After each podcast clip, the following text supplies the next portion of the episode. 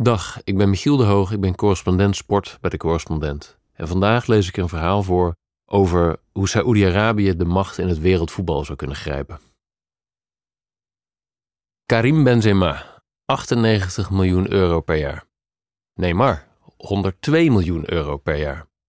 Cristiano Ronaldo, 240 miljoen euro per jaar. 240 000 000 euro per jaar. Clubs uit de Saoedische voetbalcompetitie, de Pro League, deelden afgelopen zomer astronomische salarissen uit om spelers van Europese voetbalclubs te contracteren. Absolute sterspelers zoals Neymar, maar ook vele gewone topspelers zoals N'Golo Kanté, Jordan Henderson en Riyad Mahrez tekenden megacontracten in Saoedi-Arabië. Neymar werd opgehaald uit Parijs als enige passagier in een Boeing 747 van een Saoedische prins die eruit ziet, de Boeing, niet de prins, als een vliegend kuuroord zoals een pornokoning uit de late jaren 70 had kunnen laten bouwen. Vol gouden ornamenten, lichtbruine lederen banken, bedden met crèmekleurige satijnen lakens en een troon. Van dichtbij bekeken leek dit allemaal weinig meer dan geldsmijterij van rijke verwende royals. Goed om te weten, het Saoedische Hof financiert de vier Arabische topclubs. Maar als je wat afstand neemt, dan kun je de contouren zien van een doordacht plan, een poging om het wereldvoetbal te transformeren. Optie 1.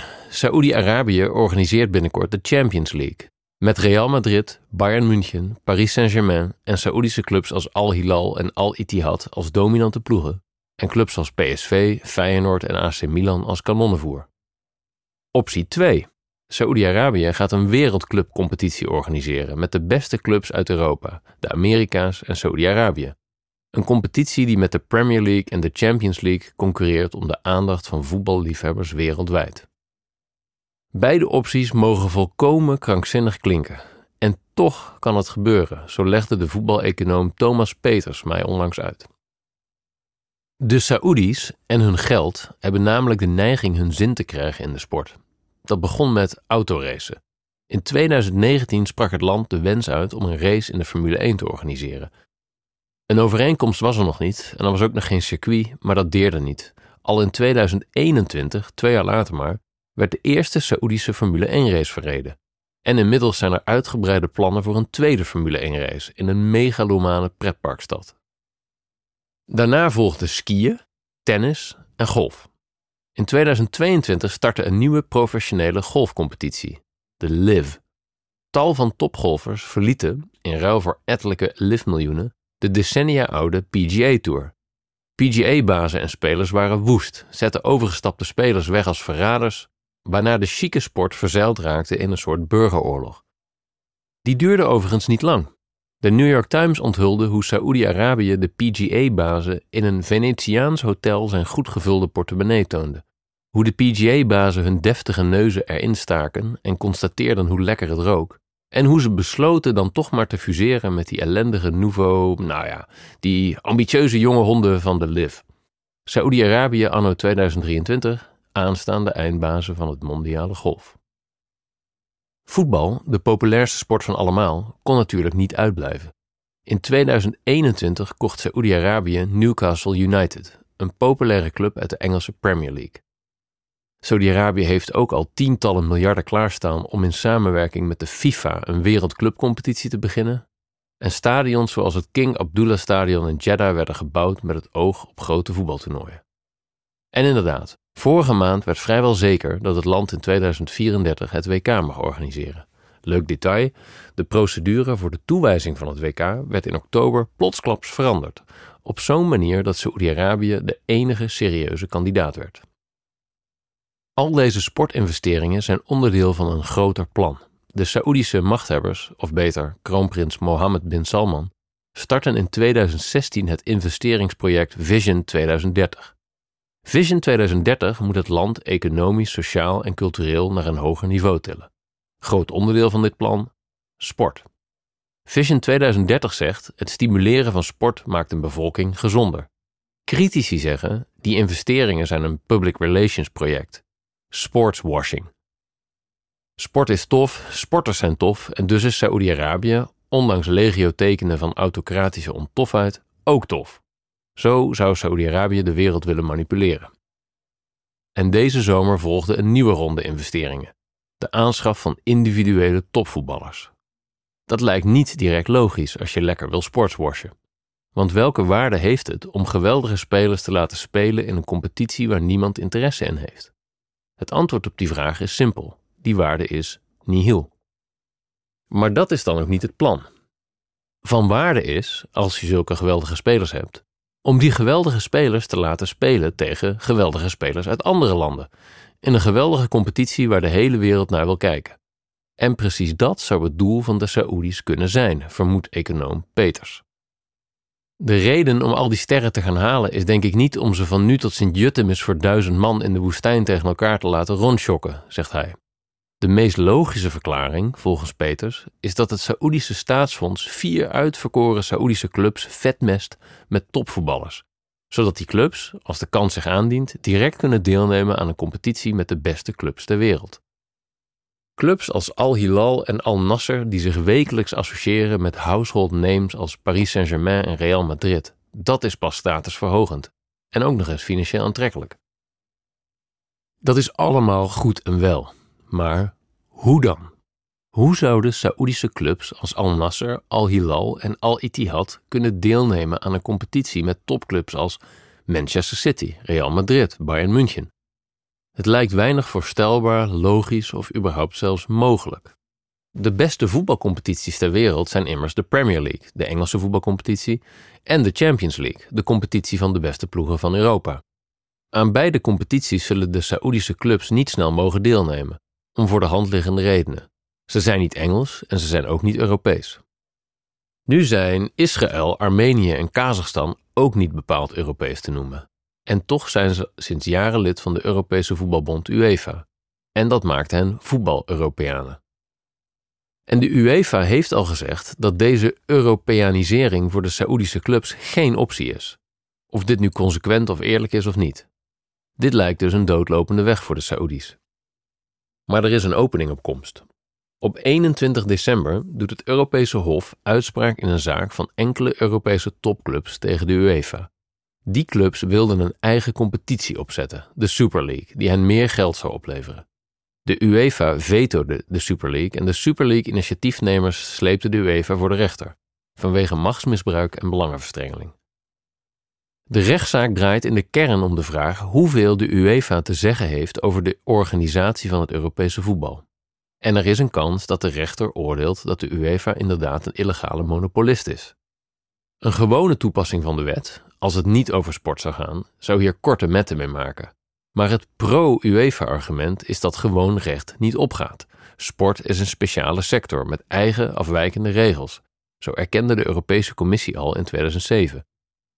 Absoluut is die aparte status alleen niet. En de vraag is in hoeverre die speciale status de sport vrijwaat van onspeciale wetten. Het Hof gaat hierover oordelen. En een minimale uitkomst lijkt dat de UEFA voorwaarden moet opstellen waaraan competities zoals de Champions League aan moeten voldoen. En dit biedt een opening.